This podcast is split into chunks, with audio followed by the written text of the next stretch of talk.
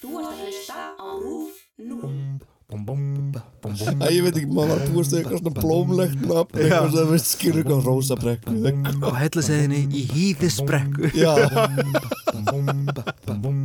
Já, og stóð þetta segði lítið BDSM Og þau þurftu einhver annar að halda. Já, já, já, ok. Já, já, já, ok. Já, ok. Já, ok Gengur þú um gólf fyrir Þórólf? mm, já, en þú veist ég líka bara geng bara um gólf líka fyrir sjálfa mig sko.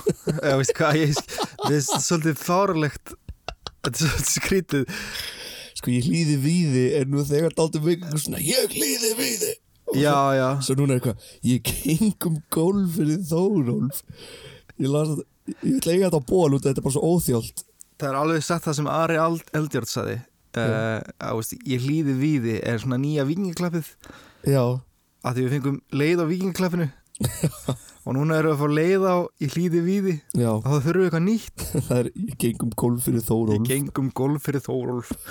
Og skal gera á jólunum. Já. Já, Að ganga um gólf fyrir Þórólf. Ganga um gólf fyrir Þórólf challenge á TikTok Við erum komin hérna í stúdíuð Það er svona góður stúdíudagur já, Það búið svona rigning. Það er sunnudagur hjá okkur. Og sunnudagur hjá okkur þegar við tökum þetta upp. Við heyrum í rigningunni lenda á þakinu á þessum bunker sem við erum í. Okkur, já. Nei, það heyrist ekkert í það. Við erum Nei. alveg útskúfaðir úr samfélaginu hérna Mm. Finnst þér það ekki? Jú. Við getum öskrað, myndi ekki heyra okkur. Já Er setning. Já. Getum bara öskra enginn heyri. Fjölu, þú öskrað það. núna. Kom að gera það. Öskrum Heyrðum enginn.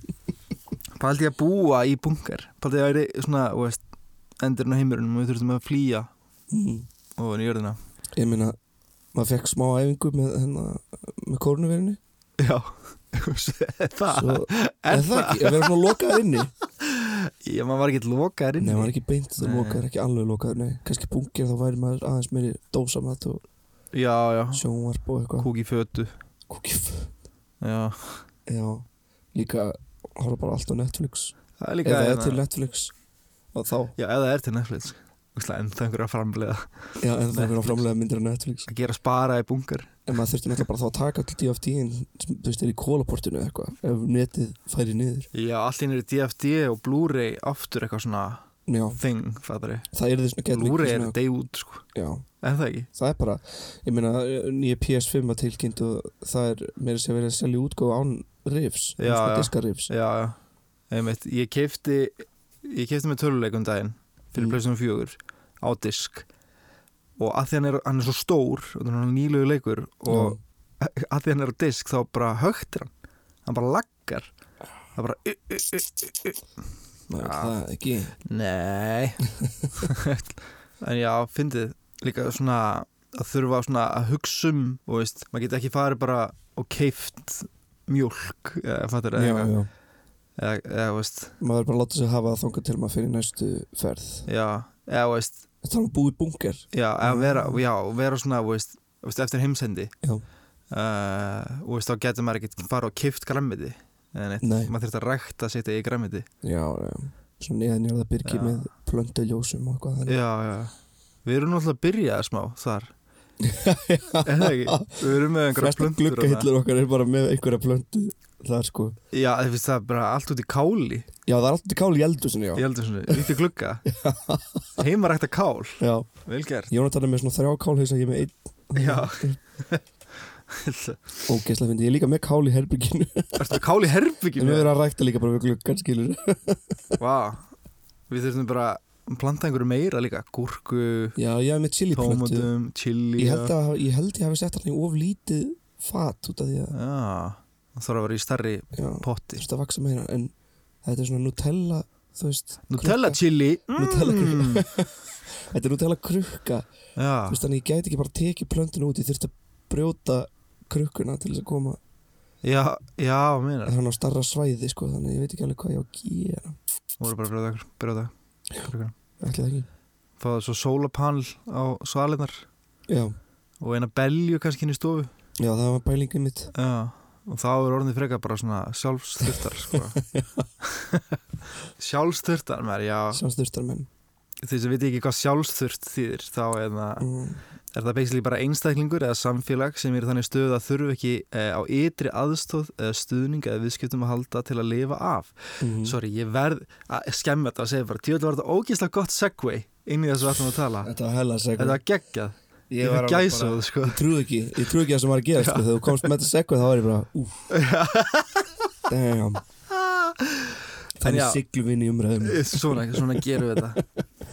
Uh, Sorry, já uh, Já, þurfa sem sagt ekki, ekki uh, stuðning eða viðskipti frá samfélagin til að lifa af og svo er líka til eitthvað sem heitir sjálfsturtar búskapur uh, en þá er landbúnaður sem gengur aðalega út á framleyslu afurða til eigin nota en getur líka átt við efnahagstjórn þar sem markmiðið er að ríkið sé sjálfur sér nóg um nöðsynar ólíkt markaðs búskap þar sem ríki er háð milliríkja verslun. mm Yes, ok. Þannig að við getum sérst bara framleitt allt fyrir okkur sjálfum Já, Þurftum ekki að vera að kaupa nýtt frá útlöndum Til dæmis uh, já. Já, en líka já. bara, þú veist, bændur var ekki að framlega mjólk þannig MS geti kefta, þannig MS geti seltað í búðir og við Já. getum kefta frá búðum. Já, Þannig skildi ég þetta allavega. Já, Uh, til dæmis eins og bóndabærin Erpstaðir uh, Já. sem við vestfjörðaveg, þú keri vestur mm uh, og ferði yfir hérna bröttubrekku og þar. Ég held að það myndi teljast sem sjálfsturtar búskapur þar að því að það er einmitt hægt að keira bænum og verslaðin ís og skýr og osta svo eitthvað sem nefnt. En það gæti verið að ég sé að ruggla því kannski er það þannig að viðskipti megi ekki fara í formi peninga. já, þarftu þá til að koma með eitthvað? Já, það verður þá frekar eins og vöruskipti Já, eða eitthvað já. svona, Æ, ég er ekki alveg þess En náttúrulega á fórnöld týðkaðist lítið annað en að vera í svona sjálfsturtar búskap Mm. og ég myndi segja að það, myndi, það stingur svolítið í stúf og vekur þá allan mikla aðtegli ef að fólk er í dag sjálfsturtar Já, það er mjög svona, já, ok ok, eitthvað. með þið þurfi ekki að vera í svo samfélagi. Eitthvað. Getur komið haframjólk enda mér og ég skal gefa chilisöldu tilbaka já, já, já. Samt að er eitthvað svona rómatík við þetta mm. En, ok, allana, uh, okkur ég er að tala svona mikið um þetta er að þeim er langar að segja ykkur sögu af hjónum sem lifðu allt hjónabandið sitt án þess að vera ríkinu eða samfélaginu háð á nokkur nátt. Já, Uh, ég líki því aðeins, það voru smá, en Smá. reyndu samt. já Um, og þetta er nefnilega alls ekkit langt síðan. Uh, hún sýsti mín létt mig vita þessu, hún var sérst í fjallgöngu um Stóra Reykjafell með hópi. Stóra Reykjafell er sérst undir vestanverði helliseiðinni, ofan Hveradala uh, og það er þessi saga sögð sem ég langar að segja ykkur mm en það er sagan af Blómei og Óskari Blómei Óskar Óskari Já. Piltur og stúlka mm. Á helliseiðinni á stað sem heitir Flengingabrekka í Hveradal stóð lítið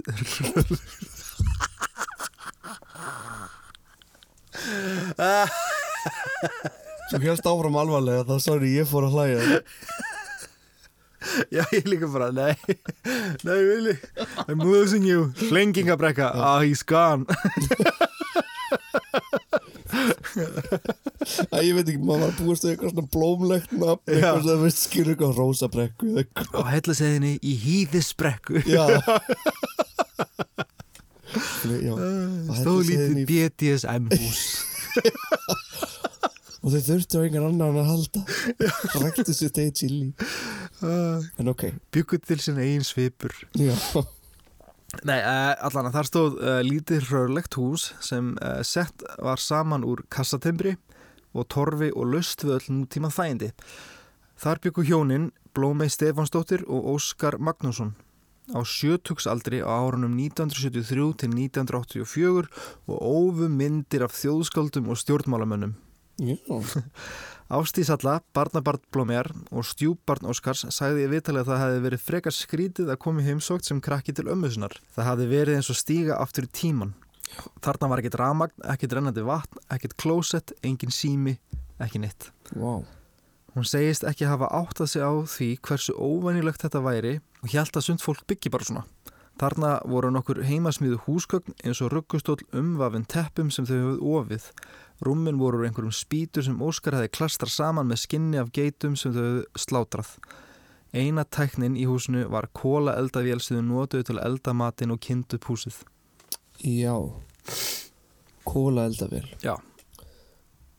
Ég þekk Ég þekki konu sem eldar með kólu Já. eldavél í Portugal. Í Portugal? Já. Eða, nei, timbri, sorry, bara timbur eldavél bara kastar timburinn og Já, eldur og svo bara kemur reykur út af þakkinu já, já, já.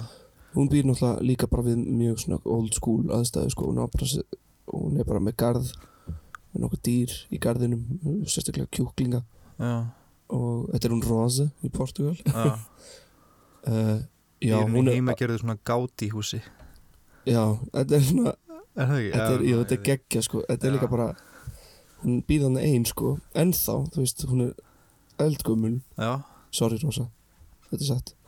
En, en þú verður, að, þú verður átt að þú verður átt að kumur. en hún á bara, þú veist, hún á sjónvarp og bara svona venjur hann heimasíma. Já, that's it svo er bara eldavélum bara, hún notar ennþá þess að eldavélum sem þarf að nota við í eitthvað svona, samt Já, er matur já. náttúrulega tjúla góð, sko, allir matur sem hún gerir er bara ruggla dæmi rugglaði þeim, já. Já. Og hún sækir sér bara... Uh, hún sækir bara timbur í nágranninu, sko, sem á bara Já, já, já.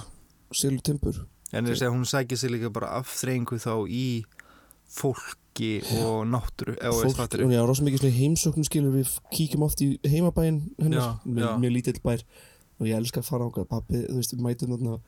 Og það er rosa ekki heima, þá bara fyrir pappi í næsta kaffi og sér eitthvað, heyrðu, veistu hvað rosa er? Og já, hún er hjá sinni sínum eitthvað svona, á ég ringi í hann eitthvað, já, ringir í hann. Heyrðu, það er það gústið að leita rosu eitthvað, já, heyrðu, þú kemur bara. Já, næst. þannig hún er oft svona lappandinn á milli eða bara horfa þá fréttir eða sápópurur í sjónvarpinu. Skemmtilegt. mm. þannig þeir voru þarna í þessu húsi, Já, Blómi og Óskars. Já. Og byggu bara ekki við neina tækni nema kóla eldavél Já, til, einmitt til elda matinn og kynnt upp húsið. Uh, og Blómei, hún var oft köllu Lóa. Hún fættist árið 1914 í mjög stóran sískinhóp. 14 sískinni, réttar að sagt. 1914 með 14 sískinni Já, já á Austfjörðum. mm. uh, og hún var strax með mjög sjálfstæða hugsun og ákveðin hún talaði ofta að henni dreymdum að verða pipar mig Hippa, já, laus við ofriki karlmanna og engum háð. Queen. Queen. Uh, lengst af þá bjóðum með fjölskyldu sinna á reyðafyrði en þaðan flutt hún ung því henni fannst þrengslin of mikil.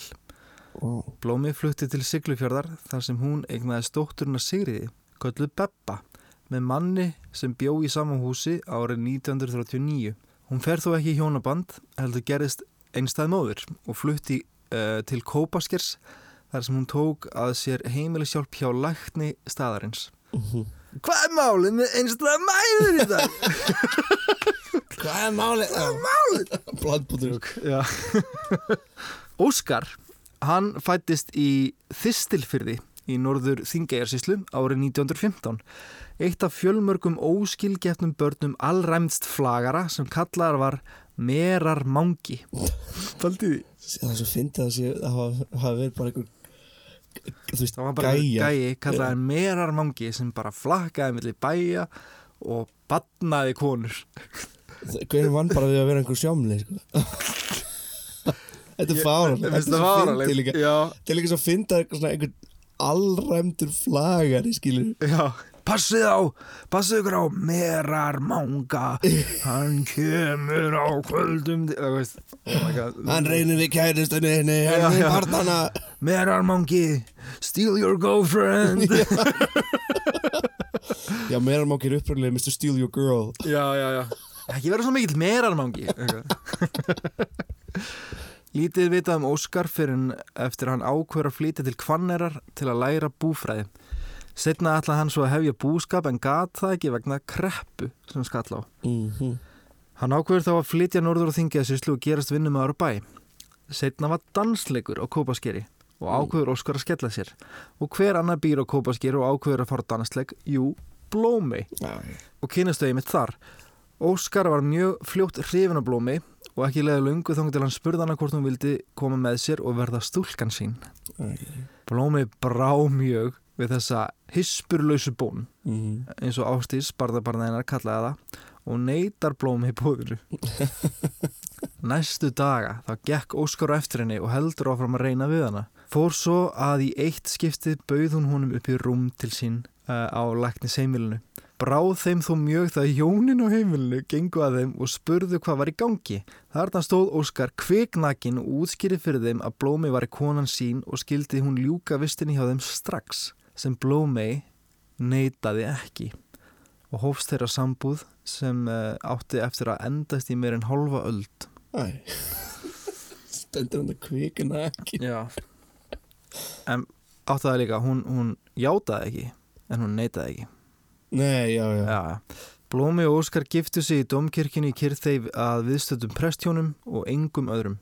Ég viðtali sem engin annar en Ómar Ragnarsson tók árið 1996 við Blómi. Þá segir hún, við sögðum bæði já í það skiptið og þegar ég játaðist honum út fyrir gröf og dauða vissi ég að þannig yrði það að minni hálfu og yrði aldrei aftur tekið og þannig var það. Það var dauðin sem aðskild okkur. Og þetta er svolítið spes og svona fyndið líka varðandi bara gömlu kynnslóðuna Mhm. og hjónabönd já. að bæði afi minn og amma áttu sín góðum moment sko en þau rifust líka já. og mamma var ekkert um að segja með sögu uh, þegar hún var eitthvað að skuttla afa. Og, og afi satt eitthvað aftur í og hún var eitthvað eitthvað, svona, eitthvað að bölva ömmu. Og mamma eitthvað svona ah, okkur skilur ekki bara við hana. Og þá sagði við, nei þegar þú ert í hjónabandi þá ert í hjónabandi. Og amma, þess að ég átti þrjár ömmur þess að Lilja amma hérna mín hún sagði einhvern veginn þetta nákvæmlega sama út af einhverju, hún bara kannar, nei þegar þú ert í hjónabandi þá ert í hjónabandi eitthvað svona, já. og svo fyndið ég bara í gömlu kynnslóðinni hvernig já. þetta var rosalega heilagt kannski út á trúnni Já. ég veit ekki og veist, í dag ég þekki tilveik í dag og veist, það sem fólk þurfti að skilja út af peningamálum til að redda peningamálum já, og þurfti að skilja en ég hefði hann að halda þetta að vera öðruvísi sko. þú. Giftir þig til að redda peningamálum Já, já. eitthvað þannig, þú veist um, Æ, ég veit ekki ég, Já, Það er alltaf mjög skrítið sko, líka stundum Já. er það líka ákveðin leið til að segja að maður elskir mannesku þrátt fyrir galla en að skilja þrátt fyrir yfirvildi þá elskar maður manneskunu samt já, já, já, ég, já í það er hjónabandi, ég þá haldið er maður í hjónabandi þá er það meira kannski eitthvað svona jú, jú, ég, ég er að, hérna, að rífast ömmuðinni í hérna þrjú þúsundast skiptið á æfum minni Já. en ég elska hana og þetta er það er yfirleitt skiptir í rauninni einhver mál í stóra samhenginu náttúrulega. Nei, nei, en ég held að fólk sé ekki að skilja því að rífist. Ég held að Nei. það sé eitthvað annað sko.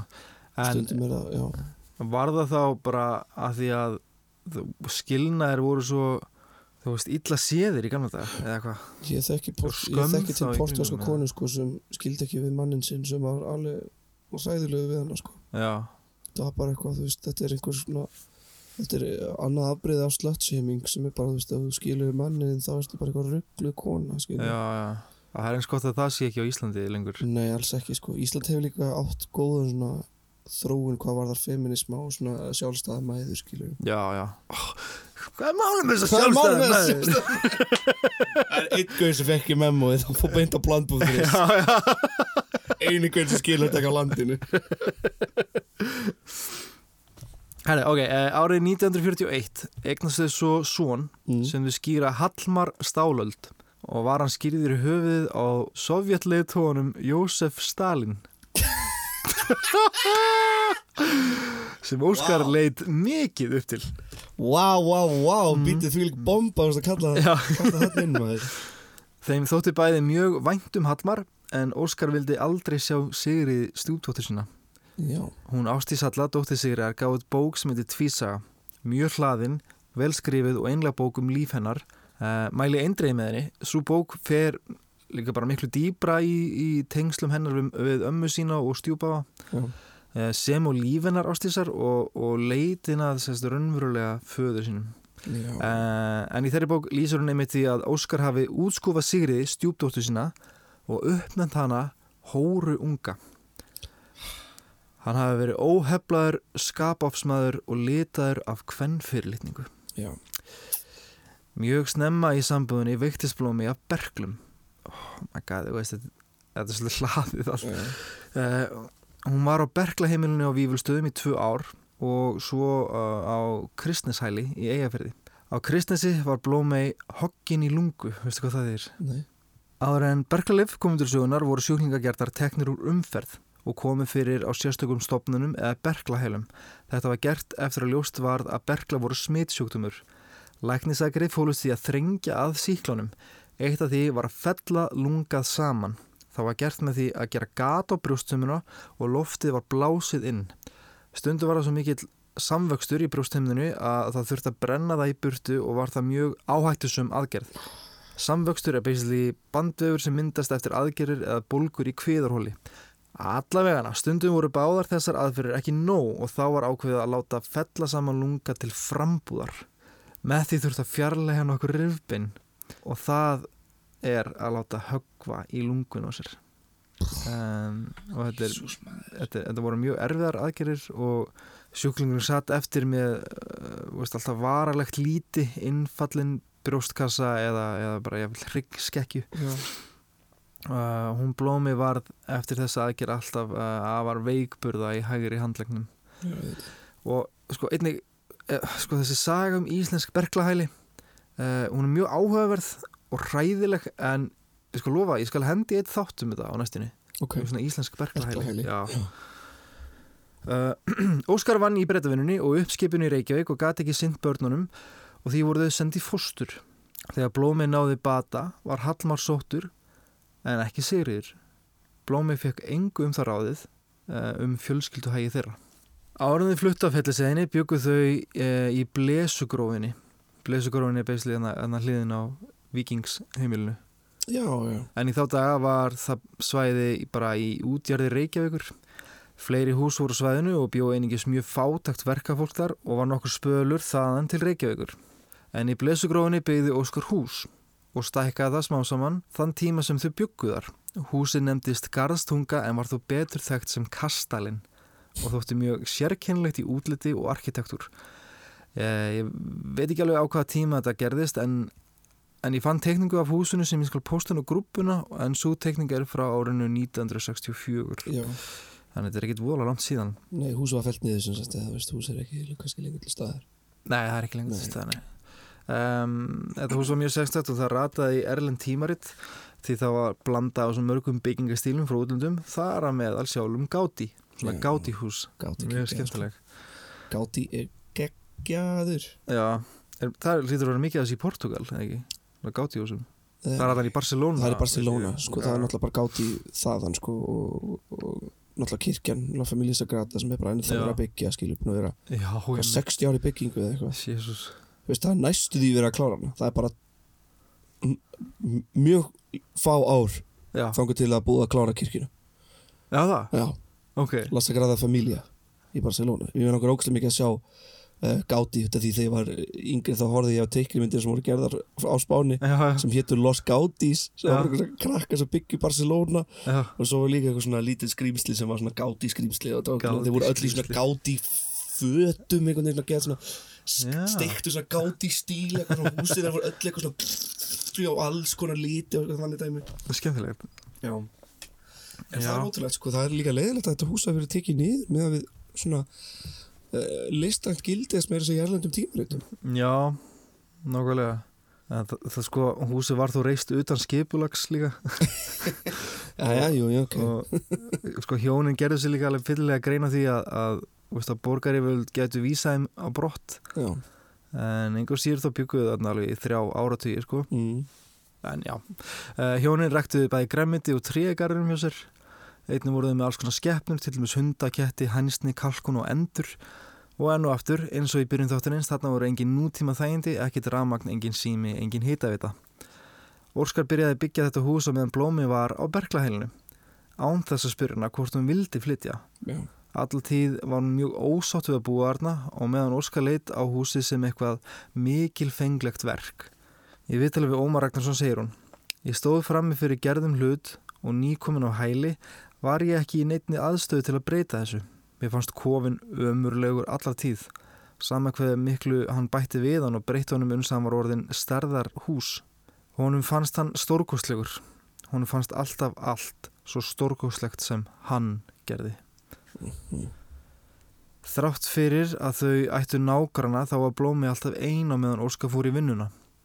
Ástíðsbarnabarn hennar segir að það mátti enginn koma og hún mátti ekki fara.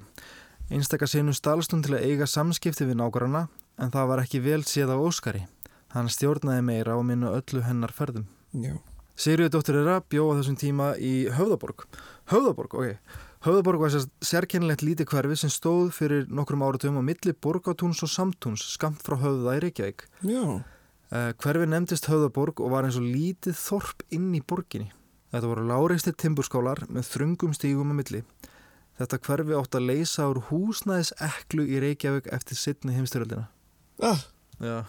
fyndið. Já, Höfða, Höfðaborg. höfðaborg. Já, Áhugavert. já mjög. Það eru gaman að finna einhverja myndir af þessar höfðaborg. Já, algjörlega. Það eru til. Já, þetta er, er ekki talan síðan. Þetta er ekki það langt síðan, það er bara spurning hvers, hvað fólki fannst áhugavert að ljósmynda á Íslandi. Já, Spurning hvað fólk fannst uh, aðtöfunavert á þeim tíma. Já, já, borgakringlan. Þetta er bara eitthvað kringla, eitthvað, bara eitthvað, wow, það maður sé myndir að eitthvað. Herri, Hallmar Stálöld, sonur á svo þegar hann kom í land þá drakk hann bara og fekk uh, svo stundum að gista í Sigriði, hann á. Höfðaborg. Uh, þau höfðu nefnilega alltaf verið góðu vinir þótt þau ólust ekki upp saman. Já. Þann 10. desember árið 1964 þegar þau voru á svona miðjum þrítugsaldri bankar Hallmar upp á hjá sýstur sinni og var þá mjög ölvaður en í þetta skipti þá vildi hún ekki hleypunum inn. Mm. Gekk hann þá að húsinu höfða og sopnaði þar við eitt veggin bara á höfða húsinu bara. Já. og lág hann þar úti alla nóttina og fannst hann morgunin eftir látin vegna kulda. Blómið sagði að þetta hefði verið mjög sárt og óvænt. Já. Allt í hennu var hann dáinn. Hann var hrifin frá okkur á einu augabræði. Döðsfallið markaði líf Blómeyjar og Óskars alla tíði síðar og áttu þau ávallt mjög erfitt um að ræða þetta. Óskar var mjög anstekilegu við Sigriði og sagaði hana um að hafa myrtan. Já, já. Hún mátti ekki einu sinni mæta í jarðaför bróðu síns. Hún fekk ekki að fylgja bróðu sínum og besta vini til grafar. Egni ángraði það Óskar mikið að allt í einu áttan ekki lengur blóðerfingja. Já. En húsið, það sko. já, blóðerfingin, já, einmitt. Uh, já, en húsið, kastalinn, garðstunga uh, var eitthvað sem hann átti og vildi skilja eftir sig. Hann vissi þó að það gæti eigni orðið vesen því uppbygging breiðholsins var í smíðum. Uh, þannig hann var með bakkuplan, hann fer upp á hellisegina og finnur þar helli fyrir ofan skíðaskálan í hveradölum. Það rétt hjá var skíðastökkpallur sem var ekki lengur í nótkunn og held hann að hann gæti nýtt það, þann efni við í að smíða sér kofa út frá hellirum. Já. Plus að þetta var upp á hálendi og yngar mannaferðir þannig að hann var nokkuð viss að hann geti mögulega fengið frið frá samfélaginu. Mm Borgarstjórn Reykjavík skipulaði breiðholsbrytina á því svæði sem húsin í blösugrófni stóðu og var íbúðum gert að víkja. Já. Blómi og Óskar voru bóðin íbúð í blokk og vildi Blómi taka því bóði en Óskar harðneitaði og fór svo að þau fengu bara peningagreislu og fluttu austur á hellisegina árið 1973 en þá var húsið sem var einnig kallaði garastunga eh, ekki fullbyggt og um tíma dvölduðu bara tjaldi á heiðinni. Já. Uh, og til þess að krytta þess að sögu en það meira um, þá vil ég bara benda á þau átt ekkert land þau fór alltaf bara eitthvað Fór bara. ég ætla að byggja hús hér bara, veist það er einhverjum sem á landið en þeim var alveg sama, þetta var hvað sem er upp á hálendi þá vo- voru aldrei neina sko. Nei, nákvæmlega. líka bara í húsi í Bleisugróni þau bara eitthvað, þetta er fýtt staður byggjum hús hér á þess að tala við neitt og þau bara eitthvað ok, Líka gáðum Nei, pening bara- fyrir húsið. já og Í gáði endanum. þessu pening fyrir húsið Ógeðslega my fyndið god. með- Já, þessi Óskar fyrir að vera hundleðuleg karakter. Já, uh, nýja húsið sem var reist, það fekk einni nafnið Garstunga. Uh, það var mun rörlegra húsnæði Mm -hmm. og líkt á fyrirmyndin þá var það líka allt uh, laust við uh, nútíma þægindi. Látt var til lofts og herbyggin lítil, hitavita var þar engin en hjónin notuðu kóla kamínu til að hita upp húsið og elda mat. Að sögn lag húsið ekki en það var alltaf raki og fúkalegt Já. og vegna vanhugsaðara staðsendingar kom vatn upp úr gólfinu. Þau voru líka með skeppnur, geitur, endur, hænur, hundaketti. Og oft voru það mjög ræfirslega skeppnur, illa snirtar og lufsulegar. Já. Uh, Einnig ræktuðu þau græmiti kringum húsið en eini áburðun sem þau áttu uh, til að setja í garðin var bara úrgangur úr koppunum sínum, Já, það ekki alltaf bara ein úrgangur. Já. Er það ekki það sem er líka oft notað Úrgangur Jú, jú, til dæmis uh, á bóndabílum þá eins og, þú veist, ef þú ert með kýr Já þá ertu með haughús og svo dæluru sérst, kúa skít basically Já. inn í svona mm, skítadreifara basically Já. og dælir því á túnin og þetta er besti ábörðurinn fættur fyrir nákvæmlega. en það bara hljómar eitthvað svo eitthvað, uh, að nota Já. mannaskít eitthvað, er eitthvað, Já Já. í grammitið sitt uh, Já. Já. Uh, Á þessum tíma uh, voru þau komin á sjötugsaldur og Blómi gat eiginlega ekki hugsa sér að eyða ellinni þarna. Nei Gerðu þau það samkomulag um að Blómi myndi búa á heiðinni með honum það til hún er 70 ára en flytja svo í borgina. Í nýju ár byggu þau á helliseiðinni og máttu þóla alls konar veður og snjóbili á veturnar svo slæma að þurftu ofta að leita sér skjól í skíðaskálunum í hveradölum. Ó, jésús Uh, Óskar vann verkamannavinu hjá skipaútgerðinni Ríkisins í Reykjavík. Hann hjólaði hverjum einasta degi í vinnuna. Þetta voru 35 km í bæinn og 35 km heim. Að hjóla Að hjóla, já. Hverjum einasta degi. What the hell, hvað var það gamall? Hann var orðinn 70, Jésús verða 70 ára. Já. Já Uh, það, það var líka þannig, veist, þau voru ekki að borða skyndibitamat þau voru bara að þramma upp fjöll alla dag þau voru alveg tágrönn og í góðu form. Og hraust, sko. Já. Já. En allan út af þessu þá var blómið mikið ein í húsinu. En nú aftur. Enn og aftur, uh, líka henni það svo illa að hún vildi helst bara dvelja úti frekar undir Já. byrju lofti, Já, vantarlega henni fannst alltaf svo ömulegt að búa þarna, hún sagði viðtali við Ómar ég vil ekkert vita af neinu frá þessum stað og aldrei koma þangað aftur. Ég skil, bara, skil mjög vel. Skil bara mjög vel. Ástís Barnabart Blómiðar segist muna þegar hún var mjög ung fari í heimsók til þeirra þetta var það á þeim tíma þegar Sigurður móður hennar var að reyna að kynnast fóruður sínum uh, aftur mm. basically og Ástís segir að þau hafa alltaf samt tekið á mótið með hlýju Æ, ok, gott En um, hún segir, hann tók okkur alltaf fagnandi og var alltaf gladur að fá heimsókn. En inn á milli tók hann alltaf uh, svona mikil skapofsa köst, sérstaklega ef honum fannst einhver vera að gaggrína hann eða hans hugmyndir. Já, já Þetta gat verið mjög óhugulegt á köplum og orðabræðið var svakalegt. Þegar hann tók þessi köst tók amma okkur með sér inn í herbyggi og lokaði að ykkur.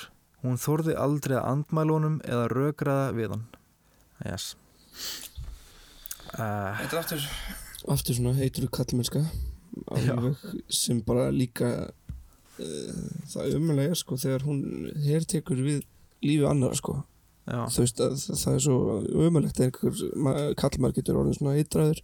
Já, og þurfið þá síðan líka að eitra lífi annara eins og elsku blómi sem bara þú veist já, dvaldið þarna dagana saman bara út á land eða veist ekki út á land heldur bara og alltaf hrætt við að alltaf hrætt við það alltaf hrætt við að fara. Hrætt við að vera hrætt við að vera þarna leittist ókíslega pældi verið allan daginn án engan til þess að tala við. Ekkert afþýðingrefni nei. at all bara yfir og ef þú tala við ykkur þá verður hann brókslega afbríðsamur og Já. bara hættulegur. Já. uh, Þrátt fyrir sérstakann húskost þá urðu Blómi og Óskar einnig þekkt fyrir annað en það var á sviði lista. Blómi og myndir og teppi sem vöktu mikla aðtegli listkonunar Hildar Hákonudóttur sem dró hana á námskeið í vefnaði. Mm. Óskar, sem fram að þessu hafði aðeins fengist við málarlist fór með á námskeið vegna afbríðisemi og upp frá því hófst mikil vefnarlista verka framleysla þeirra. Eh, Stór vefstól fylgdi næst um stofuna í Garstungu og þar ófu þau myndir af íslenskum þjóðskáldum á borði Jónas Hallgrímsson, Mattias Jokkumsson en einnig þjóðarhöðingjum á borði Stalin og Nixon. Stalin Uh, og Nixon. Tveir gjössalega Jónas Hallgrímsson og Nixon og Mattias Jokkumsson og svo Stalin. Allir saman. Hvað er Stalin að gera? Veist, Líka af öllum erlendum karakterum hafa Já. Stalin og síðan Nixon. Eitt stærsti fantur bandaríkina maður Í bókinni Tvísaga segir einnig að myndum sem Óskar óf af Evu á leiðinni til djöfulsins eftir að hafa fristað Adams. Hún fór til helvítis. Þetta er allt ef að kenna Þetta er ef að Já, djúvill er þetta speskall með þér. Já, Þau ár sem við byggum helliseðinni og ófu listaverk urðu þau nokkuð þekkt og blaðamenn heimsóttu þau í nokkur skipti. Ástið segir, þau vildu ekki neina peninga. Afi var á móti peningum og var anstæðingurinn kapitalismi. Hann taldi að peningurinn var í ófunur mannkinsins. Stundu notaði hann verk til að skipta fyrir mat eða efnin til að geta ofið meira. En hann kerði sig ekki um að selja þau. Í eitt skipti fekk hann tilbúið stort verk frá Skandinavíu og það hefði verið ágætið speningum fyrir þau á sínum tíma en hann tók það ekki í mál. Amma átti alltaf einhvern smá pening til að kaupa helstu nöðu sínar en hann mátti helst ekki vita af því. Stundu laumaði hún hundrakalli að mér og sýstu minni án þess að hann sæi til. Elsku Blómi. Blómi náði loks aldrinum sem hún hafði byðið eftir og var samkomulag þeirra hjónana haldið og hún flutti bæinn í gamalt hús við Hitavitu veg í uh, Smálundum í Gravarholti árið 1984. Já, ok Þetta hefur öruglega verið mjög skrítið fyrir hana Mhm. því að allt í nú var hún komin í rennandi vatn, hitavitu og rafmagn. Já, Óskar þrjóskaðist við nokkra mánuði en þá var hann upp á helliseðinni en flutti svo til hennar. Uh, hann heimsótti Garðstungur reglulega út lífið og var þar stundum bara vikum saman en hún fór þangað aldrei aftur. já, fínt bara Ekki vera að fara ánga Já. Eftir að það voru bæði fluttir ekki aukur segir Ástis að sína minningar um hann eru eins og fólk lýsir þeim sem eru oftækisfullir og haldnir ofsoknar brjólaði. Mhm. Hún segir, ég man sérstaklega eftir einu tilviki eftir að þið flutt af heiðinni. Þá sat hann við sjónvarpið og auðlýsing byrtist um að hvetja fólk til að ganga frá ógreitum afnótagjöldum. Hann held að einhver væri inn í tækinu að tala við sig persónulega og brjálaðist yfir þessum ásökunum. Að ráðast væri á hann með þessum hætti inn á hans eigin heimili. Og þá áttaði ég mig á því að hans skap ofsakost væru eitthvað meir en bara stuttur þráður. Hann var klárlega ekki alveg heill og væri að glíma við einhvers konar uh, veist hvað? Já. Uh, Shit, maður. Í bókinni Tvísaga nefnir ástið segnið að það var mikill kvenna hatur sem byrtist til framkomans Mhm. og orðið hóra kemur nokkuð oft fram í tilvötnum í hann í bókinni. Já, hún segir, ég kom einu sinni uh, með frétti til þeirra að, sem ég held að erðu gleðitíðindi. Að ég hefði lokið stúdinsprófi og hegði á háskólanum en þá trilltist afi. Hvernig óskopunum konum ditti það til hugar að fara í háskóla? Ég hefði lært að hlaupa ekki. Út af því að þá hefði hann hlaupið á eftir mér með barefli, jafnvel. Ég satt því og fór að tala um eitthvað annað til að róa hann. Hálftíma síðar sagði hann að kannski væri allt í lagi að ég fari í háskóla því að ég egnaði strengi er ég hæfari uppalandi fyrir þá. Óskar fekk krabba minn og lést árið 1993. ok Blómi hafði lifað í 54 ár með manni sem hún elskaði ekki og lengst af á stað sem hún fyrirleitt. Ég veit þálega Ómar segir hún, ég var aldrei hrifin af þessum manni, aldrei. Ég leitt aldrei neitt hugga mér, aldrei neitt á mig fá. Þess vegna er ég enn lifandi og orðin þetta gömul. Já. Loksins þorði Blómei að eiga frumkvæði á sínu eigin lífi og hún leið eins og hún var laus úr fangelsi. Um tíma bjó hún hjá Sigriði dóttur sinni áður en hún fluttist á dvalarheimilið Hrafnista.